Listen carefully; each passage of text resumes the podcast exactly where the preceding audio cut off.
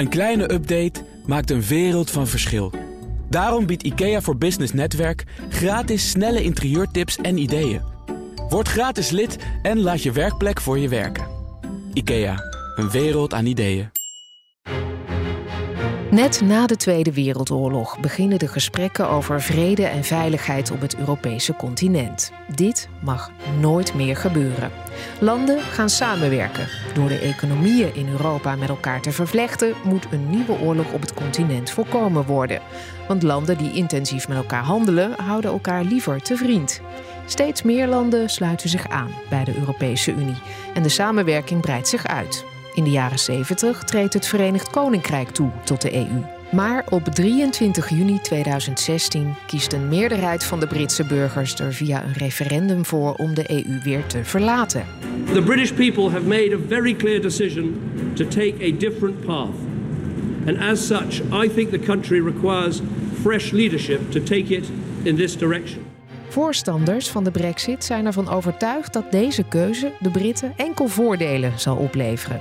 De uitslag van het referendum wordt door hen dan ook met open armen ontvangen. The total number of votes cast in favour of Remain was 51,930. The total number of votes cast in favour of Leave was 82,000. Tegenstanders van de Brexit zijn minder enthousiast, om het maar mild te stellen. De voorzitter van de Europese Raad destijds, Donald Tusk, spreekt van een mogelijk dramatisch moment in de Europese geschiedenis. Good morning.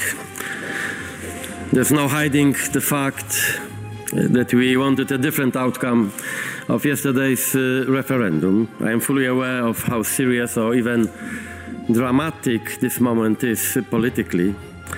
And no way of predicting all the political consequences of this event, especially for the UK. Wat de precieze consequenties zullen zijn, weet dan nog niemand.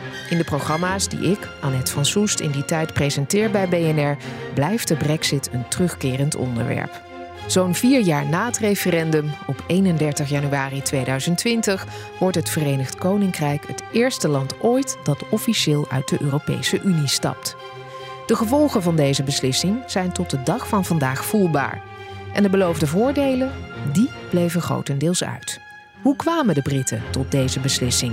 Wat hoopten ze ermee te winnen? En hoe groot is de prijs die ze er tot nu toe voor betaald hebben? Bij mij om dit alles te bespreken zijn Lia van Beckhoven, onze Verenigd Koninkrijk-correspondent en maker van de podcast van Beckhovens Britten. Kees Verhoeven, oud-Kamerlid voor D66 en voormalig Brexit-rapporteur. En Bart-Jan Koopman, directeur van ondernemersorganisatie Evo Venedex, belangenbehartiger voor internationale ondernemers.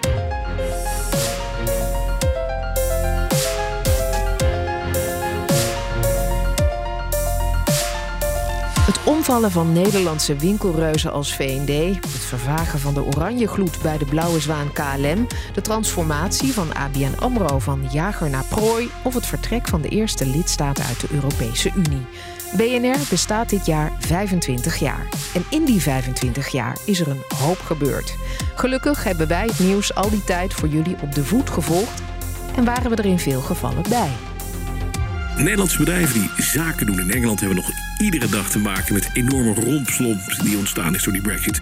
Dames en heren, later vandaag zal ik aan Hare Majesteit de Koningin het ontslag aanbieden van de ministers en staatssecretarissen van PvdA-huis. VND krijgt definitief geen doorstart. De curatoren van het failliete warenhuisbedrijf zijn er niet in geslaagd tot een akkoord te komen met de potentiële koper. Ik ga geen interviews geven over het verleden van ABN AMRO. Ik kan me goed voorstellen dat ze bij uh, uh, werknemers bij KLM in Nederland... Uh, dat ze zich grote zorgen maken. Maar de zorgen bij de KLM is natuurlijk van een andere orde dan de zorgen bij Air France. Samen met de kopstukken uit die tijd blikken we terug op deze verhalen. Wie draaide er aan de knoppen? Waarom namen zij de besluiten die ze namen? En wat waren de gevolgen die misschien wel tot vandaag de dag voelbaar zijn? Dit is een speciale eenmalige aflevering van Hoge Bomen, de Brexit, de prijs van soevereiniteit. Na de kredietcrisis in 2008 gaat het Verenigd Koninkrijk gebukt onder flinke bezuinigingen. En het is in deze context dat de populariteit voor Brexit en alles waar de Brexit voor staat flink groeit. I'm voting leave because I think that the British people ought to elect politicians that they can hold to account that make all their laws. I want out of the EU so we govern ourselves, control our borders, and trade with the world again and not be stuck in a declining trade bloc.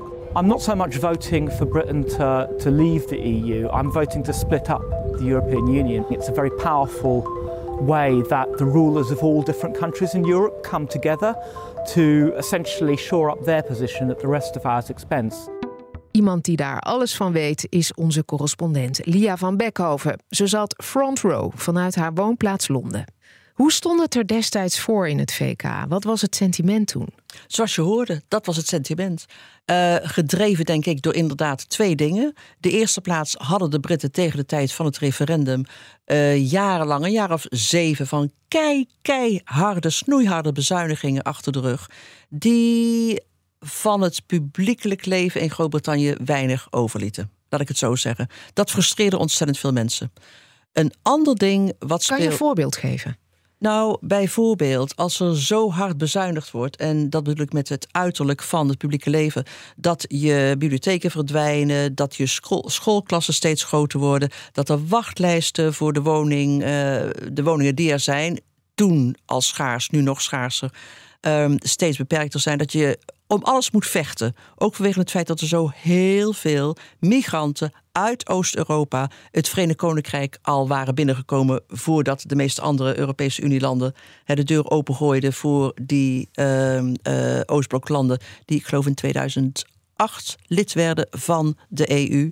Uh, de, de Britten en de Ieren waren een van de weinige landen die die tienduizenden uh, instroom hadden verwelkomd, maar ze daar nooit sociaal economisch op hadden voorbereid. Dus het was iedere dag vechten voor wat wij autochtone, afschuwelijke term, Britten noemen. Vechten om een plaatsje in de bus, vechten om een plaatsje in de metro, vechten om een plek voor je kind op school, uh, vechten om een afspraak met de huisarts. Dus dat zat heel veel Britten dwars. Um, uh, migratie, migratie. Dus het idee dat je met, uh, door je terug te trekken op je eigen grondgebied, um, buiten de EU zelf kon bepalen waar je de grenzen legde, letterlijk, wie je binnenliet en wie niet. Dat was voor heel veel mensen belangrijk. En het andere wat heel veel, voor heel veel mensen belangrijk waren, was zoals je inderdaad net hoorde bij die Fox Pops, mensen die het Verenigd Koninkrijks rol binnen de EU nooit begrepen, die nooit enige kennis van zaken hadden over hoe de Europese Unie functioneerde, die 30 jaar lang verteld was door de meeste Britse bladen dag in dag uit dat ze vastzaten in een gevangenis, um, ook wel de Europese Unie genoemd. Ja. Take back control viel dus in een hele vruchtbare aarde. Juist. Die slogan. En niet alleen dat, ik bedoel, waarom zou je niet op Brexit stemmen? Als je dankzij Brexit iedere week 350 miljoen pond, ruim 400 miljoen euro, overhield aan je zieltogende gezondheidszorg.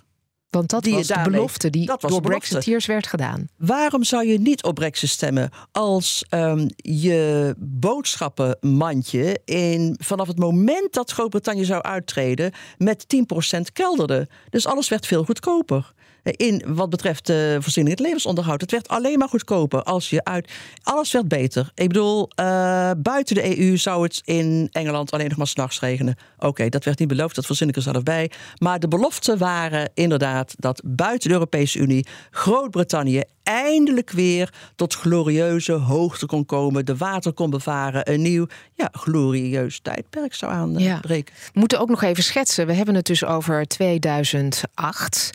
Uh, dat er eh, bezuinigd werd, kwam ook natuurlijk door uh, de financiële crisis. Mm -hmm. En ook in Engeland werden er banken gered met Precies. belastinggeld. Tuurlijk, de banken uh, waren too big to fail. Dus die moesten worden gered. Maar waar kwam dat geld vandaan? Dat kwam uit uh, die bezuinigingen. Uh, dus eigenlijk betaalden de gewone burgers ervoor, de gewone Britten, uh, voor het geld dat nodig was om de grote banken te redden. En welke politici riepen nou dat Brexit een goed idee was? Nou, dat zijn mensen als uh, Michael Gove en Boris Johnson bijvoorbeeld. Um, Michael Gove was een minister die destijds ook uh, het leiderschap van de partij ambieerde. Maar goed, het is belangrijk om te weten, hij was nog steeds, trouwens in de politiek uh, als minister, maar hij was toen een minister. En ik noem hem omdat zij, Gove en Johnson eigenlijk degene waren die um, het hele concept van Brexit fatsoeneerden.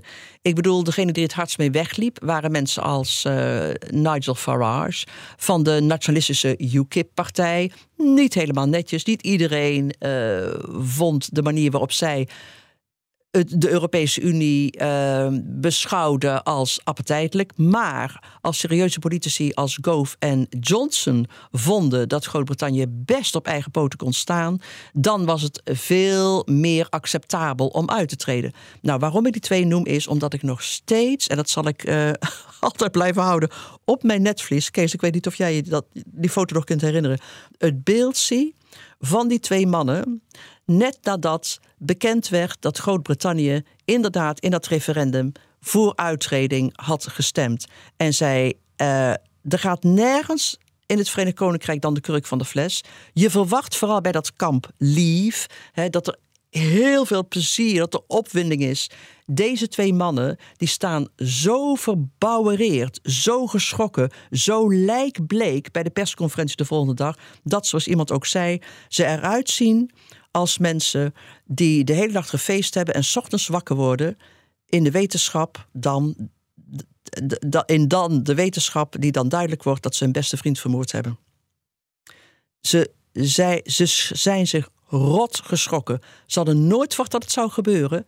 En ze hebben zich helemaal niet voorbereid. En dat realiseren zich op dat moment. En dat is wat mij betreft nog steeds het beeld van de zogenaamde overwinning van de Brexit. Mm Een vrijwillig vertrek van een lidstaat uit de Europese Unie. Dat was nog nooit voorgekomen. En het ging ook in tegen alles waar de Unie voor stond. Hoe keken de andere lidstaten naar het sentiment in het Verenigd Koninkrijk en het vooruitzicht van een mogelijke Brexit?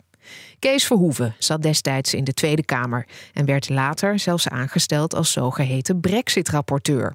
Wat ik me goed herinner, het was de tijd dat Trump ook tegen alle verwachtingen in uh, de, de president, Amerikaanse presidentsverkiezingen uh, won. En het was de tijd dat, dat, dat uh, het Oekraïne-referendum in Nederland tot een, een, een grote ja-stem leidde voor het, voor het schrappen van, de, van, het, van, de, van die wet. En het was dus de Brexit. En drie keer was er in ieder geval een onderschatting van het feit dat er een meerderheid zou kunnen zijn die wel eens zou kunnen zeggen: ja, we moeten uit de Europese Unie stappen. Ja, we kiezen zo'n extreme man als president. Dus eerst was het onderschatting. Uh, het, het, onvoldoende serieus nemen, het je niet kunnen voorstellen. Dat was heel natuurlijk. Nou, dat, wat, wat, wat Lia net vertelde over dat de twee heren zelf het al niet zich konden voorstellen, dat, dat zegt genoeg over hoe anderen het zagen langzaam maar zeker werd natuurlijk gedurende die campagne werd duidelijk dat het, dat het spannend werd, dat het, dat het tight werd, dat het, dat het dicht tegen elkaar zat. En oh, toen had je nog weer allerlei van die theorieën, wat je altijd ziet. Ja, maar dat, dat wordt overschat en uh, uh, bepaalde stemmen uh, worden niet gehoord en de luidruchtige nee-stem krijgt veel meer aan. Nou ja, al die, die analyses, die altijd die, die een beetje cosmetische, het komt wel goed-achtige analyses. Nou, dat hebben we gelukkig allemaal afgeleerd. maar die lidstaten konden het zich gewoon niet voorstellen. En toen gebeurde het. Nou ja, de, de, de, de, de, de, de reactie van Tusk was een mooie om net even zo te horen. Maar ook die totale verslagenheid en het, het, het, het, eigenlijk nog steeds niet kunnen geloven. Dat had iedereen volgens mij de dag daarna. Ja. En die lidstaten konden het ook niet, en dat was in Nederland ook een groot probleem. We begrepen het niet. We hebben nooit begrepen hoe die, hoe die Britten in de Unie zaten. Dat hebben wij nooit gesnapt. Wij waren een van de vijf initiatiefnemers, zes initiatiefnemers van, van de Europese Unie. Nederland heeft er een, een diepe, lange historie mee. Lees de boeken van Luc van Middelaar. Je ziet hoe schitterend Nederland altijd daar, daar onderdeel van is geweest. Dat geldt voor de Britten niet. Die hebben er altijd met een half been in gezeten. De Atlantische, ze deden al niet mee aan de nee, euro de Atlantische, de Atlantische houding. Ze hadden hun eigen munt. Uh, ze waren eigenlijk uh, de special one. Zo, hè, de, de, de, de, de, de, de, de, het exclusief zijn. Daar is ook zo'n term voor die me nu even niet te binnen schiet. Maar die, dat, dat, dat gevoel van wij zijn alleen. Wij alleen. Ja, dat hebben we nooit begrepen als, als, als lidstaten. Ja. Klopt, helemaal. Ik, wat de Britten drijft is inderdaad, zoals men altijd, het verleden. Splendid isolation. Splendid isolation, het verleden en een, een nostalgische hunkering naar dat verleden. Ja. En dan vooral uit het verleden, their finest hour, namelijk 1940, hè, negen, uh, de, de, Tweede Wereldoorlog. Echt, er gaat geen dag voorbij of die Tweede Wereldoorlog komt ergens wel weer een keer in de gewone media bovendrijven. Daar hebben wij geen weet van. En waarom is dat moment zo belangrijk? Omdat de Britten daar inderdaad uniek waren. Zij waren de enige die Hitler hadden weten tegen te houden. In de Britse geschiedschrijving doen de Russen helemaal niet mee. Hè, die in hun pogingen om hetzelfde te doen 23 miljoen op het slagveld hadden laten liggen. Maar hé, hey, dat slaan we over. De Amerikanen die ons uiteindelijk bevrijd hebben. Die een, een, een doorslaggevende rol speelden in die Tweede Wereldoorlog. hebben die eens een speaking part. Nou, die kwamen, er een, Het- die, het kwamen, die kwamen er een beetje zo achteraan aan het eind. hè, in de- Absoluut, in de maar het was echt een Brits. Het waren de Britten die het deden. En desondanks, desondanks werden de Britten op gelijke voet behandeld als alle andere landen. Als al die defaitisten of anderen die door Hitler onder de voet gelopen waren. Zij stonden op hetzelfde niveau. Nou, dat vonden de Britten al heel moeilijk. En nog steeds. En nog steeds. Iemand heeft wel eens tegen mij gezegd, en dat is ook altijd mijn geheugen blijven zitten. Die zei: Kijk, de Europese Unie was een goed idee. Ehm, eh, voor alles wat de Britten geen behoefte aan hadden. Ja, precies. Het was een oplossing voor alles waar wij niet mee zaten. Nee. Begrijp je? Dus de Britten die zaten dat. Dus die keken er al heel, heel anders tegenaan. Waarom zijn ze in 1973 dan toch lid geworden van de EEG? Eén reden, één, één reden, omdat ze zich niet konden permitteren, zeker niet economisch, maar politiek qua internationale status ook niet, om buiten te blijven. Precies. Dat is alles. Maar Nou, ze en- speelden en- nooit mee, dat was ook nooit de bedoeling. En, en, en Thatcher heeft er ook een belangrijke rol in gespeeld. En allerlei andere eh, regeringsleiders eh, die nooit de volle verantwoordelijkheid genomen hebben. Ik weet niet precies hoe het zijn, I want my money back of give me back my money. I want my money back. I want my money back. Hè? Zo van al die ja. vreselijke eh, bedragen die wij allemaal moeten betalen. dat is, als je het alleen ging maar om zegt, geld. Het Ja. ging om financiën. nou, het ging om de maar, als je economie. alleen maar zegt, Rutte heeft het ook wel eens gedaan. Op een gegeven moment ging in de- discussie ook door Nederland met een bepaalde Europese begrotingdiscussie. Zei Rutte ook van we willen minder gaan betalen. Als je de hele tijd overal op televisie zegt we willen minder betalen. Dan heeft iedereen het idee, oh dit is, dit is iets waar we niet bij willen zijn. Dus dat hele, die hele aanloop eigenlijk vanaf 73 tot en met 2016 was eigenlijk altijd een heel groot gevoel al van eigenlijk horen we er niet bij. Eigenlijk willen we dit niet. Eigenlijk is het verschrikkelijk. Ik wil even terug naar Nederland en, en het sentiment hier in aanloop na die brexit en na dat referendum. Welke zorgen speelden er in Den Haag? Van stel, het gaat toch mis. En ze stappen eruit. Wat dan? Allereerst toch gewoon handel. Ehm, de, de Europese Unie is natuurlijk voor een heel groot deel vooral een, een handelsblok. Een van de weinige echte eh, taken van de Europese Commissie, waar de Europese Commissie echt alleen over gaat, is de interne markt. Dus, hè, dus als het gaat over handelsverdragen sluiten, dan doet de Europese Commissie dat met, met Japan of met de Verenigde Staten of met Canada. Dan, dan, dan zijn de lidstaten ondergeschikt. En dat was natuurlijk het belangrijkste. En vooral voor Nederland, een land wat geografisch dicht eh, bij eh, het Verenigd Koninkrijk ligt, eh, eigenlijk zelfs aan grens, als je het water even wegdenkt, had echt een belangrijke handelscomponent. Dus dat was belangrijk. Maar het was ook het hele gevoel van de balans, de kracht van de Europese Unie. Wat gebeurt er in hemelsnaam als er zo'n sterk land uitstapt? eh, Een lid land van de, ook waar Nederland het vaak mee optrok. Zeker. In, in, in, in, in de posities was het altijd zo dat, dat Verenigd Koninkrijk en Nederland een heel erg eh, zelfde benadering hadden. Eh, dus, dus er waren wel verschillende zorgen. Maar het, het, belangrijkste was wat gebeurt er in hemelsnaam met, met, met onze eh, economische eh, positie en de manier waarop we handel kunnen drijven. Dat was denk ik het belangrijkste. Ondertussen groeiden ook de zorgen onder veel Nederlandse ondernemers, waarvan veel al jarenlang zaken deden met handelspartners aan de overkant van het kanaal.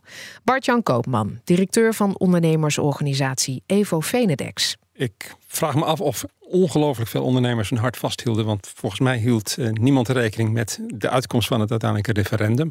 Ehm, althans niet in grote aantallen. Tegelijkertijd zagen natuurlijk een deel van de ondernemers wel aankomen dat als het referendum echt fout zou lopen, eh, ja, dat vooral die ondernemingen een, een issue hebben die eh, eigenlijk nog niet zoveel ervaring op het gebied van export hadden. Want als je natuurlijk zaken doet in Europa, de interne markt, ja, daar hoorde Engeland uiteraard bij.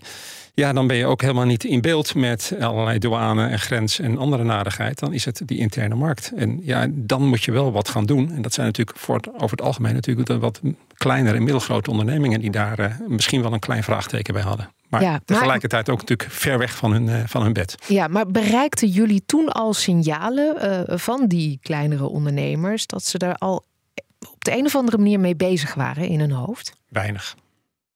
Bij ons weinig.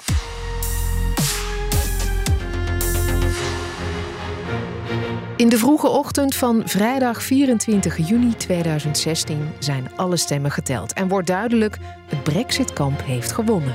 de gevolgen die zijn gigantisch. Dit is, het is een cliché, maar toch een politieke aardverschuiving. Deze beslissing kan catastrofaal zijn voor het Verenigd Koninkrijk, heeft waarschijnlijk enorme gevolgen voor de EU, maar dat weet Anke beter. Het heeft zeker onvoorziene implicaties voor Groot-Brittannië zelf. Kijk maar naar de pond, die stort, het pond sterling stort nu in, nog nooit zo goedkoop geweest als in 1985. Ehm, er is zelfs sprake of de markten wel zullen opengaan. Um, de Engelse bank zou het een en ander nu uh, aan het stutten zijn. Maar hoe dan ook, Nigel Farage spreekt van Independence Day. Onduidelijk is wat dan de gevolgen zijn voor zowel de Britten als de EU. Wat betekent zo'n brexit eigenlijk? We luisteren even naar de uitzending van het Britse BBC One op die ochtend. There we are. That is now statistically, mathematically there that the Leave campaign have won. And we're expecting at the end of the count 52% for Leave, 48% for Remain. Quite an extraordinary moment. Not in terms of the way people voted, because it was all the way through, people have said it was a very close run thing, but in terms of a turnaround for British foreign policy, British policy towards the EU, British internal policy, British policy on immigration, you name it, everything now is up for change because of this decision. And however you look at it, it is a, it's an earthquake that has happened. And what happens after earthquakes, well, we wait to see. 51,9% stemde voor de brexit, 48,1% stemde tegen. Een enorme close call, zoals de Engelsen dat noemen. Het Verenigd Koninkrijk was verdeeld. Merkte je dat op straat, Lia? Ja, dat merk je, dat voelde je. Uh, mensen praten tegen je, zeker in mijn buurt, als ze wisten dat ik European uh, was. Wat waren dan de gesprekken die ze met jou nou, nu nog, nu nog. Nu nog heb ik vrienden waarvan ik nooit vermoedde dat ze uh, zoveel emotie hadden als het ging om de Britse rol in de Europese Unie. Echt vrienden die nog steeds zo boos zijn. Zeven jaar na data. Zo boos zijn die zich schamen om uh, op vakantie te gaan in uh, Europese landen. Zoals ze dat noemen, Europese Unielanden. Um, die zich generen. Ik, ik heb hem ook nooit gerealiseerd hoeveel van mijn vrienden, en ik citeer nu een vriendin, die zei dat ik heb altijd het gevoel gehad, zei ze, Marianne, dat de Europese Unie ons beschaafd hield. Ik bedoel, ik heb nooit gerealiseerd van vrienden, wil ik maar zeggen, die ik dacht goed te kennen en die ik ook goed ken, dat voor hen de Europese Unie zo fantastisch belangrijk was. Dat, het, dat zij voelden dat het het Verenigd Koninkrijk ankerde. En dat waren dan degenen die hadden gehoopt dat. De Remainers, de natuurlijk. Remain, maar, en, maar die verdeeldheid, waar, waar merkte je dat? Die verdeeldheid aan boosheid in de tram en in de trein, in de ondergronds, in de metro. Er waren echt periodes niet zozeer een aanloop naar het referendum, maar zeker daarna, waarin ik herinner ik me nog geen Nederlands durfde te praten op mijn eh, mobiele telefoon. Zo erg was Ja, je was, en, en dat, dat, was ook meetbaar, heel makkelijk meetbaar zelfs. Uh, dat iedereen met een accent of die, die Pools of wat dan ook sprak uh, in de trein.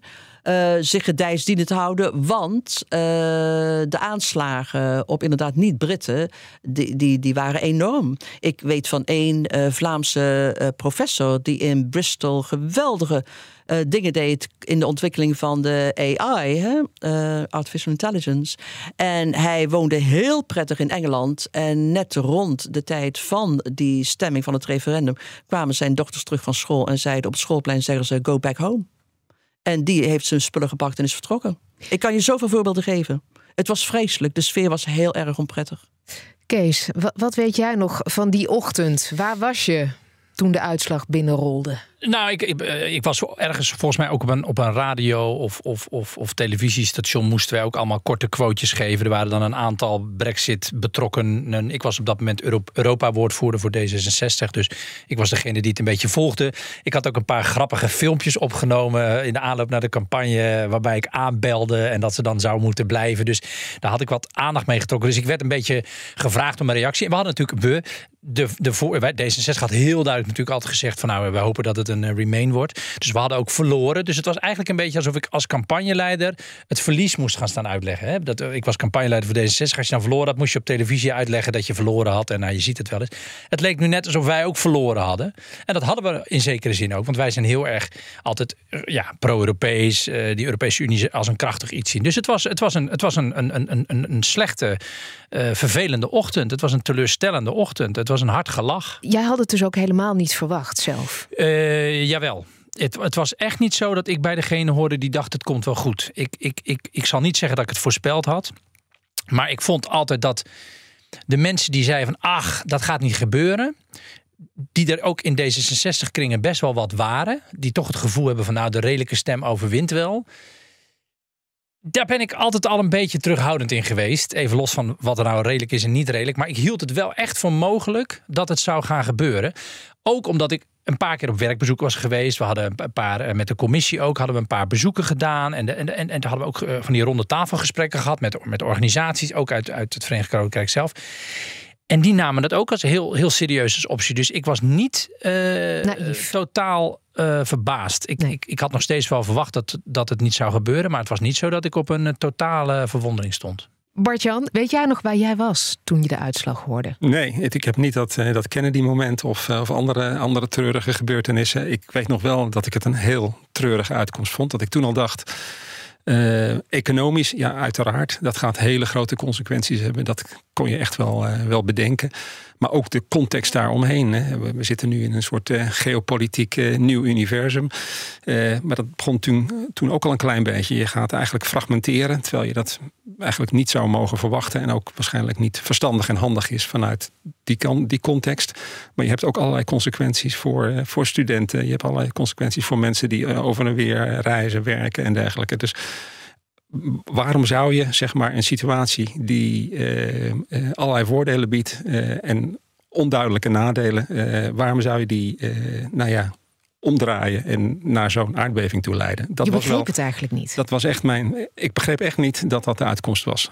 Maar ja, ik heb ook wel zo'n zo'n Trump-momentje gehad dat ik het niet begreep. En sommige dingen zijn ook niet te begrijpen. Anders dan dat je waarschijnlijk, eh, nou ja, eh, eh, de democratie en het functioneren daarvan wellicht nog eens eventjes onder de loep moet nemen. Lia, waren de Britten zich bewust van de keuze die ze maakten door voor de Brexit te stemmen? Nee, want niemand wist wat uh, het alternatief was. En dat is het merkwaardige. We hebben het over de grootste evolutionaire verschuiving in het Verenigd Koninkrijk sinds de Tweede Wereldoorlog. Je stemt daarvoor zonder dat je weet wat het alternatief is. Wat er gaat gebeuren. En niemand had dat ook goed duidelijk kunnen maken Natuurlijk tijdens de campagne. Niet. Niemand maakte dat duidelijk. Er zijn alleen maar valse beloftes gedaan. Absoluut. En niet een concreet antwoord op wat gaat er gebeuren als. Het was er gewoon niet. Het ging inderdaad dus... over die gezondheidszorgkosten die dan terug werden gestort. Het ging over de migratie die onder controle zou komen. Het zou een algemeen gevoel van controle geven. Maar niemand wist hoe Brexit eruit ging zien. Niemand had het verwoord. Er was geen eens duidende visie over. Dus vandaar dat het de Britse diverse regeringen jaren heeft gekost om hun versie van Brexit, die misschien helemaal niet strookte met het idee wat de Britse stemmer er tijdens dat referendum uh, aan verbonden had, om die uit te zoeken en om daar een vorm aan te geven. Het feit dat het een keiharde Brexit werd, de hardste vorm van brexit uh, mogelijk uh, uh, is alleen maar aan onderlinge politieke, Britse politiek te danken. Partij, ja, dat is, dat is nog wel inderdaad. Partijpolitiek te danken. Dat idee alleen maar dat je kunt stemmen voor zoiets gigantisch zonder dat je er eigenlijk iets van weet. En wat mij ook altijd zal blijven uh, verbazen, is de onwetendheid. Zo niet de, het onbenul. Ik zal je een paar voorbeelden geven. Ik herinner me nog Theresa May bijvoorbeeld, die was premier in 2018, hield een toespraak. Toen dat hele debat over wat voor brexit gaan we eigenlijk aan, uh, nog uitgevogeld uh, ging worden. En zij hield een toespraak als premier ze zegt, nou, lang verhaal kort, maar waar ik voor sta is voor harde grenzen. Wij bepalen wie er in het Verenigd Koninkrijk komen. En na die toespraak zei iemand tegen haar, een van haar medewerkers: Premier, begrijpt u wel wat de consequenties zijn van wat u net gezegd heeft? Wat betekent dat Groot-Brittannië uit de interne markt stapt? Wist ze niet. Nee. Wist ze niet. Dominic Raab, minister destijds, minister van Buitenlandse Zaken. ehm, ook heel erg voor, een harde voorstander van een harde brexit. Uh, totdat hem werd uitgelegd dat Dover toch best belangrijk was. He, 40% van alle voedselproducten worden nog steeds geïmporteerd vanuit de Europese Unie. Maar Dominic Raab zei naar de hand: ik had me niet gerealiseerd hoe belangrijk Dover was. Die man wist niet dat daar iedere dag duizend uh, containers aankomen met voedselproducten. Ja, misschien moet je nog dus heel de onwetendheid lag Ja. niet alleen bij de Britse kiezer, maar die lag ook bij de Britse bestuurder. helaas altijd. Dus misschien moet je nog heel even uitleggen, die, die harde brexit, wat dat inhield. Dat we dat nog even goed op ons netvlies hebben. Ja, nou, je had een, je- er waren natuurlijk allerlei, mm, allerlei versies van Brexit mogelijk. Een superzachte Brexit zou betekenen dat de Britten nog een manier vonden om bij die interne markt of de douane-unie te blijven. Bijvoorbeeld. Allerlei modellen werden genoemd. No- no- Model Noorwegen hè, destijds. Zwitserland zou ook een optie geweest zijn. Dan had je een eh, breuk met Europa. Dus niet eens een handelsovereenkomst met de Europese Unie. Of een harde Brexit waarin je alleen het aller, aller nodige eh, eh, geregeld had met Europa. En voor die harde brexit is uiteindelijk gekozen. Kees Nou, daar zijn ze ingestruikeld, zo moet je het eigenlijk zeggen. Ja, ze- net zoals ze uit de Europese Unie gevallen zijn, zijn ze daarin gestruikeld. Ja, Ja. Bart-Jan, stond bij jou gelijk de telefoon roodgloeiend met telefoontjes van leden? Ook interessant. eh, hebben we nog natuurlijk even proberen terug te filmen. Want er zijn dingen die je dan eh, na, nou, wat is het, zes, zeven jaar geleden een klein beetje vergeet. De telefoon stond niet roodgloeiend, maar wel veel meer vragen dan voorheen. De brexit is vaak ook vergeleken met een soort van eh, ja, treinongeluk in slow motion of whatever. Mensen zien dat er een groot ongeluk plaatsvindt. Maar de realiseren zich onvoldoende van wat daar de enorme implicaties van zijn. En gaan dus stapsgewijs steeds meer vragen en steeds meer eh, dingen stellen. Maar het is niet een acuut iets waarbij je zegt van nou, nou moet ik vandaag moet ik alles weten. Want er valt ook niet altijd alles te weten. En ze realiseren zich ook wel dat er nog heel veel vragen zouden overblijven. Maar hoe lang duurde het dan voordat dat een beetje op gang kwam? Ik denk een paar weken. Dus echt- echt in die orde van grootte. Toen begon de stroom van vragen wel echt op gang te komen. En dan afhankelijk van, eh, nou ja, van het type onderneming en ook wel het, eh, de, communicatie over alles. Hè. Want in het begin was het, eh, je had het over de val van het pond. Je gaat dan reageren op hele concrete actuele issues waarvan je denkt, oh mijn god, wat gaat er nu weer gebeuren? Maar het grotere plaatje was natuurlijk toen ook al helder dat het grotere plaatje er eigenlijk niet was. Want wat, wat, wat betekent dit nou? Wat gaan we dan doen? En, en ja, al heel snel werd duidelijk dat er natuurlijk dan een discussie op gang moest komen over: oké, dit is de uitslag van het referendum. Waarschijnlijk gaat men proberen het ook echt zeg maar, door te zetten. Hè? Dus het referendum ook uit te voeren. Dat betekent de UK uit de Europese Unie. Wat betekent dat dan? En dan zijn we langzamerhand, komen we in allerlei jaren terecht van, van waar we over die echtscheiding zijn gaan praten. Maar je bent ook op Downing Street 10 geweest, begreep ik. Inderdaad, dat was nog wel een, een leuk en interessant, maar ook wel teleurstellend momentje. Ja. Maar vertel, wat, wat, wat, wat was je van plan? Wat wilde je bereiken en met wie heb je gesproken? Vertel. Nou, dat was natuurlijk nog in de periode. Ik noemde net eh, dat, dat echtscheidingsverhaal. hè. Dat is natuurlijk toch de, de periode dat er hard onderhandeld werd over. Nou ja, wat moeten we dan doen om, om überhaupt tot een vergelijk te komen van hoe gaan we uit elkaar?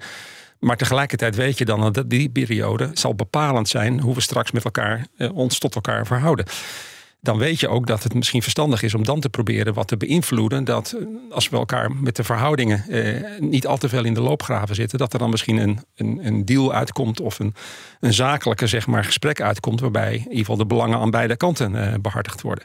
En dan moet je voor met elkaar in gesprek. En wat mij enorm is bijgebleven in die periode, dat het eigenlijk best lastig was om met het Engelse bedrijfsleven in gesprek te komen. Die waren heel rustig in die periode daarna, eigenlijk al die jaren daarna. Hè. Die Engelse ondernemersorganisaties hebben zich ook voor het referendum, maar ook daarna eigenlijk niet enorm uitgesproken. Vonden dat heel ingewikkeld eh, om, zich, om daar een standpunt in te, in te nemen. Hoe verklaar je dat? Ik denk dat dat een beetje komt door de, de, de behoorlijke dominantie van de Engelse politiek op dat moment, die natuurlijk ook redelijk populistisch was. En op het moment dat je je, je hoofd boven het maaiveld uitstak en zei van ik heb toch misschien wat economische argumenten. Dat het misschien niet op alle onderdelen heel goed zal zijn, of misschien op een aantal onderdelen misschien wel heel slecht zal zijn. Dat je dan gelijk volle laag kreeg van, eh, van media, maar ook wel van de politiek. Van, eh, nou, we hebben nu besloten, het is een fantastisch verhaal, want we gaan heel veel dingen die we zogenaamd beloofd hebben, of wat in ieder geval vaag op de achtergrond speelt, al die voordelen gaan we realiseren. En over nadelen praten we niet. Eh, Je hebt nog niet verteld hoe het dan ging toen je naar Downing Street 10 ging. de deur ging in ieder geval open. Dus dat was het goede nieuws. Uh, ja, ik heb natuurlijk met een delegatie van de Britse prime minister gesproken. En dat ging heel erg over ja, de deal. Uh, we, we, gaan dit doen. Eigenlijk een soort, soort zendmoment. helemaal niet in de dialoog van het, het, verhaal van Get Brexit dan. Dat werd over de bühne gebracht. En dat is natuurlijk ook het verhaal wat je verwacht en mag verwachten vanuit Downing Street 10 uit, uit, uit die tijd.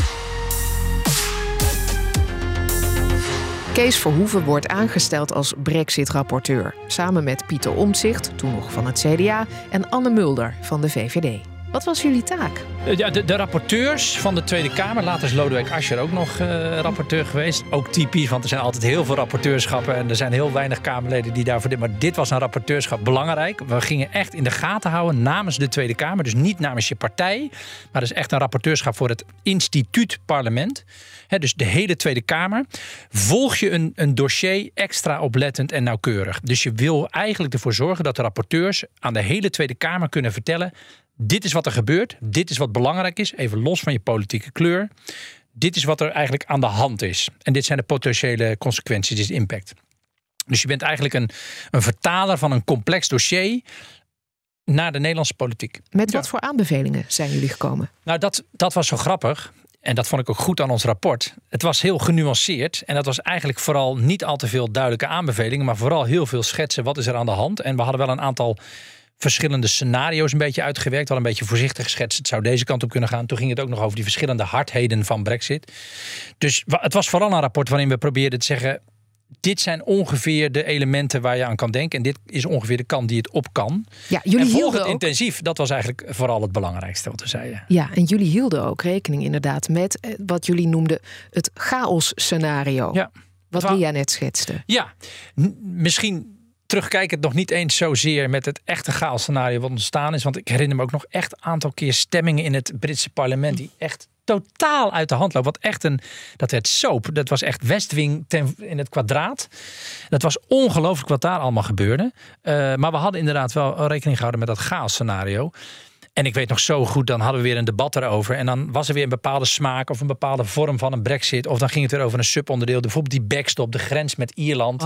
Nou, dat was, een, dat was niet op te lossen. Want of je hebt een harde grens, of je hebt geen harde grens. En het moest iets tussenin zijn. Nou, over onwetendheid van politici gesproken. Geen politicus in Engeland wist wat, het, wat, wat, er, wat er moest gebeuren. Of leugenachtigheid. Nou ja, het werd altijd gedaan alsof het allebei wel kon. Terwijl dat, dat was echt zwart-wit. Veel dingen zijn niet zwart-wit in, in het leven. Maar dit was echt zwart-wit. En die backstop, nou, daar werd dan weer iets van, ja, dan doen we het een beetje zo en een beetje dit. Dus het was heel erg vaag en vreemd ook om naar te kijken, ook voor ons. En dus ook als rapporteur best moeilijk om dan onafvolgbaar. te komen. Uh, onafvolgbaar. Het was eigenlijk vooral zeggen: uh, weet dat het heel fluïd is, weet dat het heel dynamisch is en volg het op de voet. Ja. Heeft het jullie idee veranderd over het Verenigd Koninkrijk? Ja, vooral die, die debatten op televisie, die wisselingen in de politiek, die machtsspelletjes, die totale, het gaan voor wat is het meest aantrekkelijk om te vertellen, hoe kan ik hier zelf bij winnen, dat heeft mijn verwachtingen uh, ver overtroffen in negatieve zin. Ik was echt geschokt van de manier waarop politici met elkaar omgingen. Ik vond Theresa May aanvankelijk best een geschikte, rustige, kalme dame die het misschien in goede banen zou kunnen leiden. Misschien was ze dat ook wel. En misschien had ze de kennis niet altijd op orde. Maar die is eigenlijk natuurlijk ook op een verschrikkelijke manier behandeld door haar partij.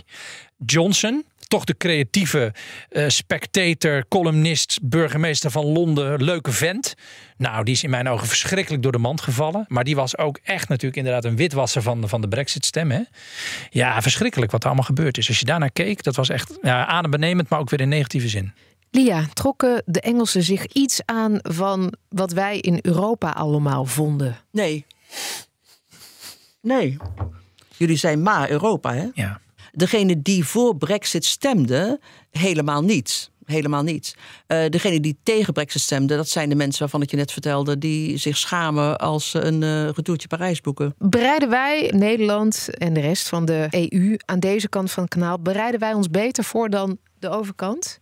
Oh ja. Oh, vele malen beter. dat, was een, dat was een oneerlijke strijd.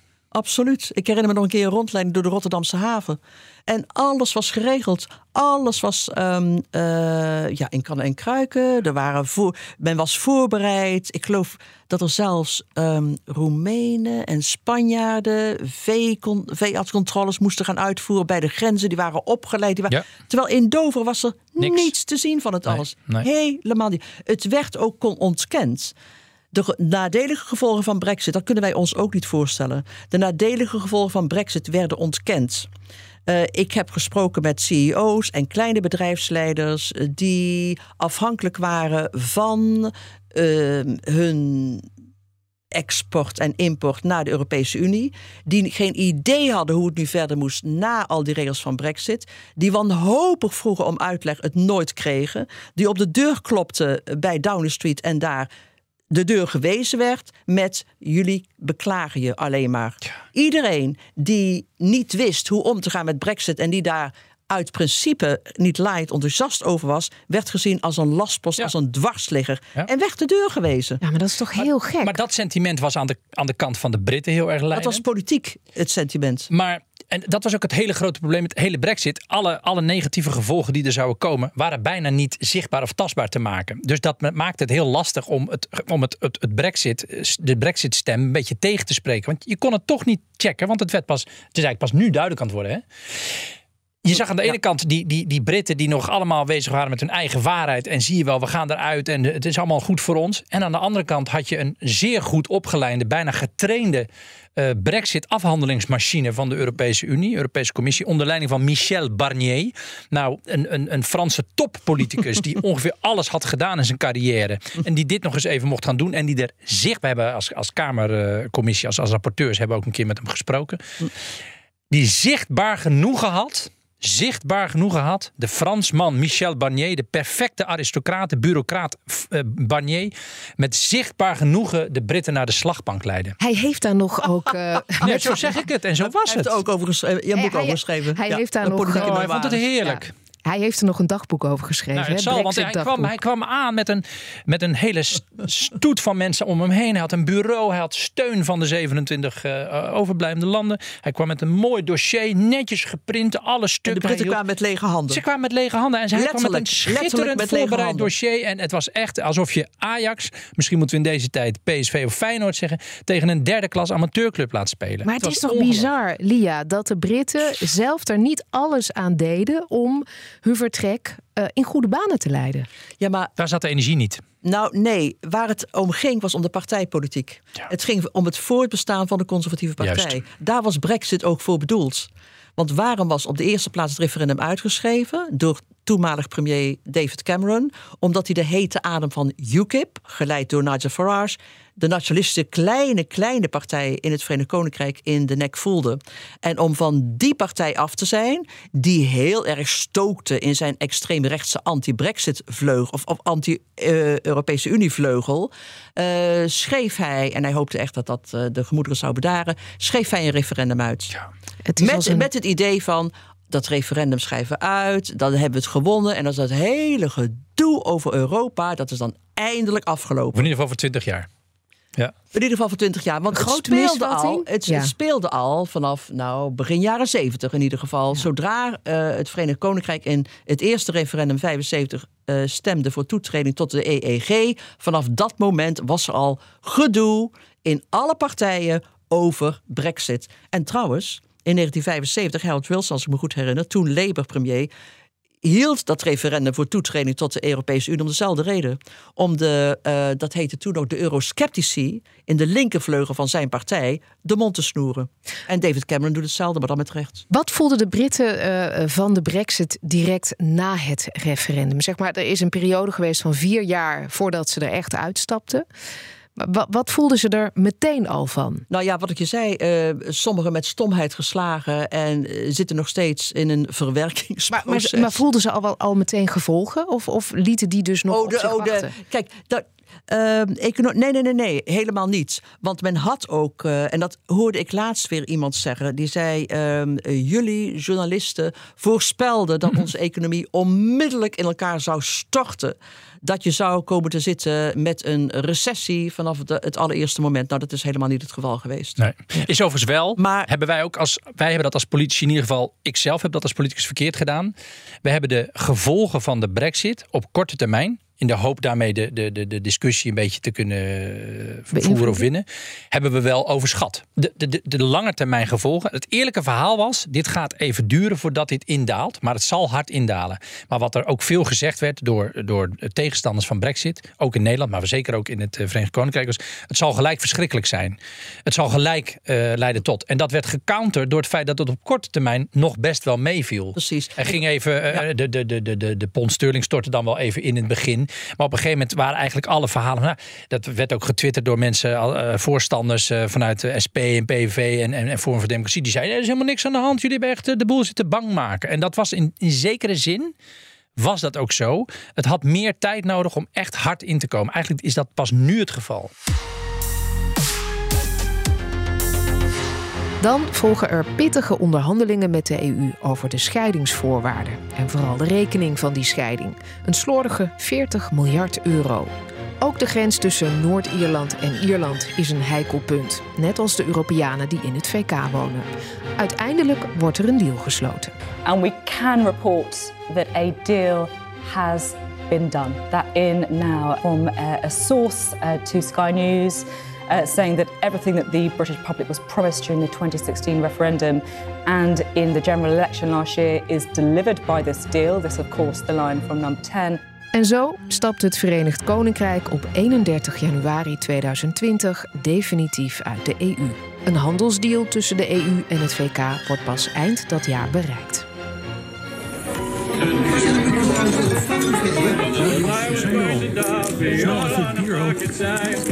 Hm, oh, die komt nou wel slecht uit. Arend kan jij de aankondiging even doen? Oh, gewoon de nieuwe wereldorde en zo. Moet hier zitten. Oh. Nou, welkom bij Boekenstein en de Wijk, de Brexitborrel. Hm. Pardon. Op zoek naar de nieuwe wereldorde. Die begint over een half uur, want dan is het officieel Brexit. Wat een vertraging dan, hè? Zeven seconden. Is maar een half is maar een... De Britten zijn vrij! Hoi, de Britten zijn vrij! Eindelijk! Niet volgens Downing Street. 2, 1. Downing Street is Nu zijn ze pas vrij. En dus hier Boris dronken uit Downing Street 10 vallen. UK has, The UK left, the has EU. left the EU. Wat gebeurt er om je heen, eh. Jesse? Kan je, dat, kan je dat beschrijven? Nou, ze hebben nu in ieder geval wat rookbommen afgestoken. Dus de klok hoef ik niet meer. Maar er zijn zoveel Union dat die nog steeds wel overheersen. Dus dat geeft toch een warm gevoel. Maar ook vlaggen van Wales. Ik zie een Franse vlag. Want ik- misschien willen de Fransen ook wel weg nu. Je weet het niet. Zullen wij maar proosten op ze, jongens dan? Dat het, eh, dat het toch maar een succes mag wezen? Of willen we liever dat het faalt? Rob? Nou, weet je, ja, het, eh, ik bedoel, ik ben geen Brit. Het zal mij een worst wezen wat daar gebeurt. Maar it's bad for us too, hè? Ja, er zijn inmiddels zeven jaar verstreken sinds dat eh, referendum. Vijf premiers wisselden elka- elkaar af in eh, Downing Street 10 in rap tempo. VK staat er niet best voor. Ehm, een van de grootste economieën ter wereld is nu een van de slechtst presterende. Dat heeft grote gevolgen. Lia, wat heeft het nou allemaal betekend? Wat voelen de Britten vandaag de dag van de brexit? Het ligt er helemaal aan al hoe je er tegenaan kijkt. Wat ze merken natuurlijk is dat de economie erop achteruit gegaan is. En daar is niet alleen, maar zeker ook Brexit eh, mede debet aan. Eh, volgens eh, cijfers kunnen de Britten rekenen op een krimp in de economische groei van 4% En niet alleen dit jaar, maar jaar op jaar op jaar. Ze groeien dus 4% minder, Minder? dan als ze in de EU waren gebleven. Correct. Maar voor heel veel Britten die stemden voor Brexit, ging het nooit om de economie. En ging het om de kwestie van soevereiniteit. Wij zijn baas over onze eigen grens. Wij kunnen bepalen uit welk land de loodgieter komt die wij nodig hebben, of de gezondheidszorger, of de verpleegkundige, of de hartchirurg. Dat kunnen wij zelf bepalen, net zoals Australië. Dat was het grote voorbeeld. Ehm, ja, en heel veel mensen die zijn daar nog steeds blij mee met Brexit, wat dat betreft. Maar ja, dat is het ene deel. Eh, Het andere, deel, dat vooral keek naar de, de economie. Ehm, het verbaasde mij. Ik had gedacht dat het veel en veel langer zou duren voordat ehm, eh, de peilingen zouden wijzigen. Maar eigenlijk vanaf het, het, het, moment waarop duidelijk werd dat met 52 tegen 48 uh, procent de Britten gestemd hadden voor uittreding, begon begon het al te schuiven in de polls. Uh, bijna meteen daarna al zag je dat de meerderheid nog kleiner werd. Reden daarvoor was niet omdat de Britten meteen al van gedachten begonnen te veranderen. Helemaal niet. De reden was, heel plat, uh, de meeste mensen die voor Brexit gestemd hadden, waren oud. Per jaar overleden er 9 à 10, sorry, per week overleden er 9 à 10.000 Brexiters. En kwamen er tot nu toe 3,5 miljoen nieuwe kiezers bij. En de nieuwe kiezers zijn voor het grootste deel groot voorstander van Europees lidmaatschap. Ja? Pas, en ik had verwacht dat dat veel langer zou duren, maar dat is niet het geval. Pas nu, sinds het laatste jaar, zie je dat mensen die voor Brexit gestemd hebben, daar spijt van hebben. Maar Brexit is nog steeds niet afgelopen. Nog steeds is niet duidelijk. Ieder, kijk, dat gaat, dat gaat jaren, jaren, jaren duren. Al die connecties met de Europese Unie, al die akkoorden, die verdragen, hoe ver gaan de Britten afwijken van de Europese normen, dat gaat voortdurend herzien worden, gaat voortdurend gevolgen hebben. Het wordt nu al lastiger, want dat merken de Britten nu. Hè, als ze naar de Europese Unie willen, bijvoorbeeld, dan zijn de rijen voor uh, de paspoortcontrole van de Britten altijd het langste. Uh, bijvoorbeeld, ik reis veel uh, met de trein. En een derde van alle Eurostar-treinen uit uh, het Verenigd Koninkrijk zijn nu geschrapt. Want er is meer ruimte nodig voor paspoortcontrole. Er is hetzelfde geld in Amsterdam. Ik bedoel, de ruimte is er niet letterlijk op die stations om in al die mensen te voorzien die nu moeten wachten op die paspoortcontroles, die veel ingewikkelder zijn en langer duren. Dat, dat is nu. 2023. Vanaf volgend jaar gaat dat nog erger worden, want er komen er nog meer controles. En dit, gaat, dit, dit blijft doorgaan. Dit blijft doorgaan. Never ending story. Um, Kees, hoe kijk jij naar de gevolgen? Nou, het is pijnlijk natuurlijk dat, dat er zoveel verloren is gegaan. En dat is, wat er verloren gegaan is, is het feit dat op allerlei momenten transacties makkelijker zijn. Of het nou een reis is, of, of handel, of het verkopen van iets, of, of uh, uitwisseling van studie. Voor je, voor je familie kunnen zorgen in het Verenigd Koninkrijk als je uit de, uit de Europese Unie komt. Allerlei van vanzelfsprekende, bijna dingen waar we niet meer over nadenken inmiddels. Hè. Als je tegenwoordig gewoon op vakantie uh, ergens in Europa gaat, dan, ja, dan ja, je hebt je paspoort wel bij, maar je hoeft het nergens laten. Al die vanzelfsprekende voordelen van de Europese Unie die we, die we natuurlijk niet allemaal elke dag ons goed realiseren. Die zijn nu allemaal, en dat gaat inderdaad nog erger worden, het gaat langzamerhand duidelijk worden, allemaal kapot.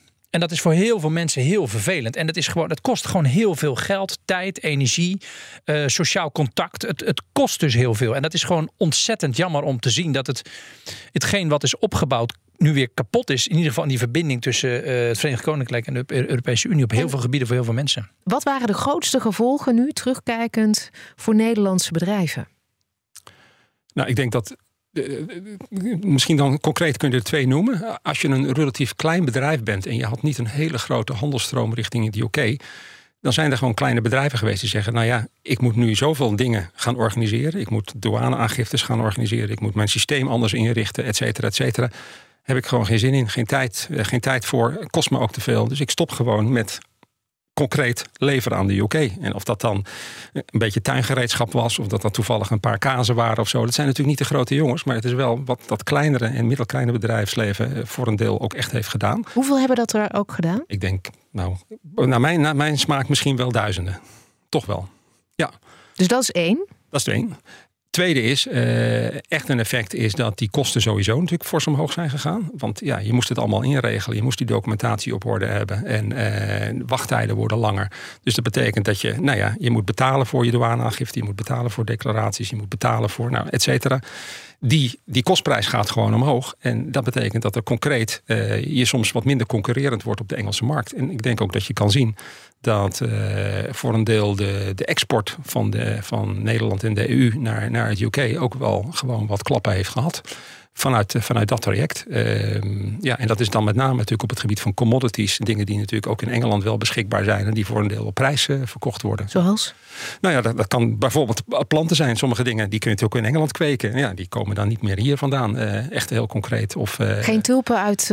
Ja, tulp is lastig. Hè, oh, ja. is, maar nou ja, de rozen waren natuurlijk in Engeland wel voor. Maar, maar dat is altijd het meest aansprekende voorbeeld. Maar dat kan natuurlijk ook op gewoon op, op wat simpele machines of, of andere dingen, verhuurspullen en zo. Ja, en dat kunnen dus ook, het kunnen, hoeven niet alleen uh, sierplanten te zijn, dat, dat kunnen dus ook aardappels zijn, of tomaten of uien. Absoluut. Minder, minder export. Minder export. Lia, jij zei net, we moeten niet vergeten, de brexit is nog steeds uh, gaande. Ja. Het is niet afgelopen. Maar um, wil men er in het VK nog wel over praten? Nee, de Britten zijn bobs geworden, board of brexit. Hm. Niemand wil erover praten. de gewone Britten niet en zeker de politici niet. Dus nee, er wordt niet over gepraat. Nee. Is er ook niemand die. Het is iedere keer weer een verrassing. Maar is er oh, niemand die dan zegt van. Weer. Het is de wraak van de Europese Unie. Op ons uittreden riep de Daily Express eind augustus dat wij geen vluchtelingen, asielzoekers meer terug kunnen sturen naar andere Europese Unielanden. Nee, denk je dan, dat is het niet. De reden waarom dat niet meer kan, is omdat jullie, Britten, zijn uitgetreden en daarom dat akkoord van Dublin niet meer geldt. Maar is er dan niemand die is er geen partij? Ik zou dan bijvoorbeeld aan de Lib Dems denken of een andere partij die zegt van we moeten hier nog eens. Zelfs de Lib Dems niet. De derde en meest eurogezinde partij van het Verenigd Koninkrijk. Zelfs daar wordt niet meer. Brexit is gif. Hm. Heeft het uh, vertrek van de Britten, Kees, heeft dat de euroskepsis in Nederland aangewakkerd? Of heeft het juist gezorgd voor een versterking van het uh, EU-gevoel? Uh, ja, dat is natuurlijk een, een, een, een parabool. Hè. Een, een, een, eerst was het natuurlijk een, een versterker dus het eerst was het een, een, een, een versterking van het, van het exit, brexit, nexit gevoel. Zie je wel, het kan.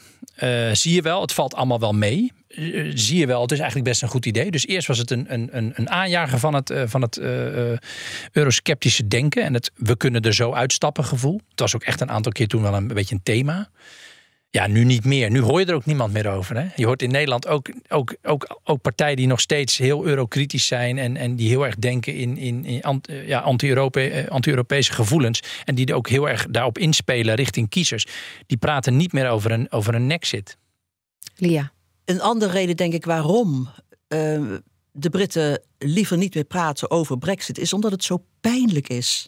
Het hele debat over Brexit heeft het land zo verdeeld, zo gepolariseerd, verpolariseerd, dat het uh, gezinnen uit elkaar gedreven heeft. Hè. Ik weet dat van mensen die vroeger met hun vrienden altijd oud en nieuw vierden en dat niet meer doen, omdat de buren nu Brexiters zijn en zij zijn dat niet. Uh, het heeft voor zoveel ophef gezorgd binnen echt goede vriendenkringen en families. Um, voor zoveel desillusie, voor zoveel ruzie. Beter dus het er maar niet meer over te hebben. Ja. Ja, en in Nederland is het gewoon ook nu weggezakt. Ja, en misschien dat die coronacrisis er juist voor heeft gezorgd dat de voordelen van de EU weer wat meer voor het voetlicht kwamen, omdat we toen allerlei dingen weer samen konden doen? Nou, er zijn sowieso uh, ontwikkelingen geweest afgelopen. Ook de oorlog natuurlijk uh, in Oekraïne. In Oekraïne. Corona. Hebben er gewoon, maar zelfs, zelfs ook de migratieproblemen, de huidige migratieproblemen, hebben ervoor gezorgd dat Europa heeft kunnen laten zien dat het nodig is om uh, verenigd te zijn. En dat hebben ze meer kunnen laten zien in de afgelopen twee jaar dan in de, dan in de jaren daarvoor. Toen het crisis op crisis op crisis was. Het was crisis en Europa wist er niet mee te handelen. En nu waren het crisis waar Europa echt best wel eensgezind optrad. Dus in, in die zin is het hele Nexit gevoel eh, en ook het anti-Europese denken is gewoon zwakker geworden. Ik denk dat er nog uh, veel meer gevolgen zijn van Brexit, afgezien van de economische in het Verenigd Koninkrijk. En dat is inderdaad het cynisme. Het cynisme over de politiek is zo versterkt nu, is zo verhevigd, omdat mensen voelen dat ze voorgelogen zijn. Uh, zeker Brexit-stemmers zijn gedesillusioneerd. Uh, dat denk ik merk je omdat uh, er niet meer geluisterd wordt. Het vertrouwen in de politiek is steeds minder. Dat ga je ook merken bij verkiezingen. Als steeds minder mensen de neiging hebben hun, uh, hun deur uit te komen, een stemhokje in te gaan. Het heeft zoveel vernietigd eigenlijk. Lia, kan de Brexit ooit nog worden teruggedraaid? Niks is onmogelijk, maar er, gaan, er zullen vele, vele jaren overheen gaan.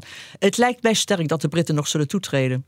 Maar opnieuw zullen toetreden. Maar het lijkt mij ook sterk dat de Britten altijd buiten de Europese Unie zullen blijven. Kijk, het probleem is, ze hadden de best of both worlds. Hè? Ze hadden alle voordelen van een lid wat niet helemaal lid was, maar wel als zodanig behandeld werd. Ze hoefden inderdaad geen, niet binnen eh, Schengen. Ze hoefden inderdaad niet aan de Europese munt, bijvoorbeeld. Er waren zoveel voordelen verbonden aan het Britse lidmaatschap, waar de Britten geen notie van hadden. En die uh, sommigen nu betreuren. Van de andere kant, om de redenen die ik in het begin gaf, voelen de Britten zich niet thuis op het Europese continent. En ik kan me niet voorstellen dat als ze toe zouden treden, um, ze dat onder dezelfde voorwaarden kunnen doen als in 1973. Met andere woorden, gaan de Britten, ook al willen ze nog zo graag opnieuw lid worden uh, van de Europese Unie, als ze wel aan de Europese munt moeten, als ze wel uh, Schengen moeten accepteren. Ik vraag het me af. Ik vraag het me af. Dan is de prijs eh, waarschijnlijk te hoog, zeg je. Ja, en dat pretpakket, er zitten wel twee kanten aan. Hè? Ik bedoel, de Britten kunnen van alles willen in de komende decennia qua verandering. En ze kunnen van alles. Maar als je iets gezien hebt, dan is het de zelfbewustheid van de Europese Unie. En die zullen nooit meer het pretpakket toestaan wat de Britten hadden. Precies. Nooit meer. Ik bedoel, uh, die hele discussie over toetreden, Kopenhagen-criteria, de eisen waar je aan moet voldoen. Maar ook het, de hele historie met die Britten die eigenlijk steeds als een soort van vervelend kind achter in de auto zaten te zeuren. Ja, dat, dat, dat, dat wil ook niemand meer. Zeker nu de Europese Unie eigenlijk heeft laten zien dat ze ook zonder de Britten nog steeds best wel een krachtige uh, Unie zijn. En er niet allerlei andere landen uitgestapt zijn. Dus de zelfbewustheid aan de kant van de Europese Unie is erg toegenomen. En dat maakt het voor de Britten ook nog eens veel moeilijker om, om een goede deal te kunnen krijgen. Dus er zitten twee kanten aan de scheiding. Ik ben Annette van Soest en dit was een speciale eenmalige aflevering van Hoge Bomen. Brexit, de prijs van soevereiniteit. Je hoorde Lia van Beckhoven, Verenigd Koninkrijk-correspondent, Kees Verhoeven, oud-Kamerlid voor D66 en voormalig Brexit-rapporteur, en Bart-Jan Koopman, directeur van ondernemersorganisatie Evo Venedex. Abonneer je op de Hoge Bomen feed, dan mis je niets van de andere afleveringen in deze speciale serie.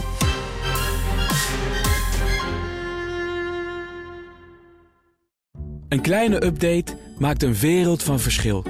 Daarom biedt IKEA voor Business Netwerk gratis snelle interieurtips en ideeën. Word gratis lid en laat je werkplek voor je werken. IKEA, een wereld aan ideeën.